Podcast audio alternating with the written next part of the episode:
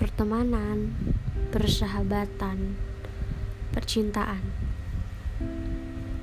Iya, gue yakin kita semua berada di dalamnya menjadi pemeran.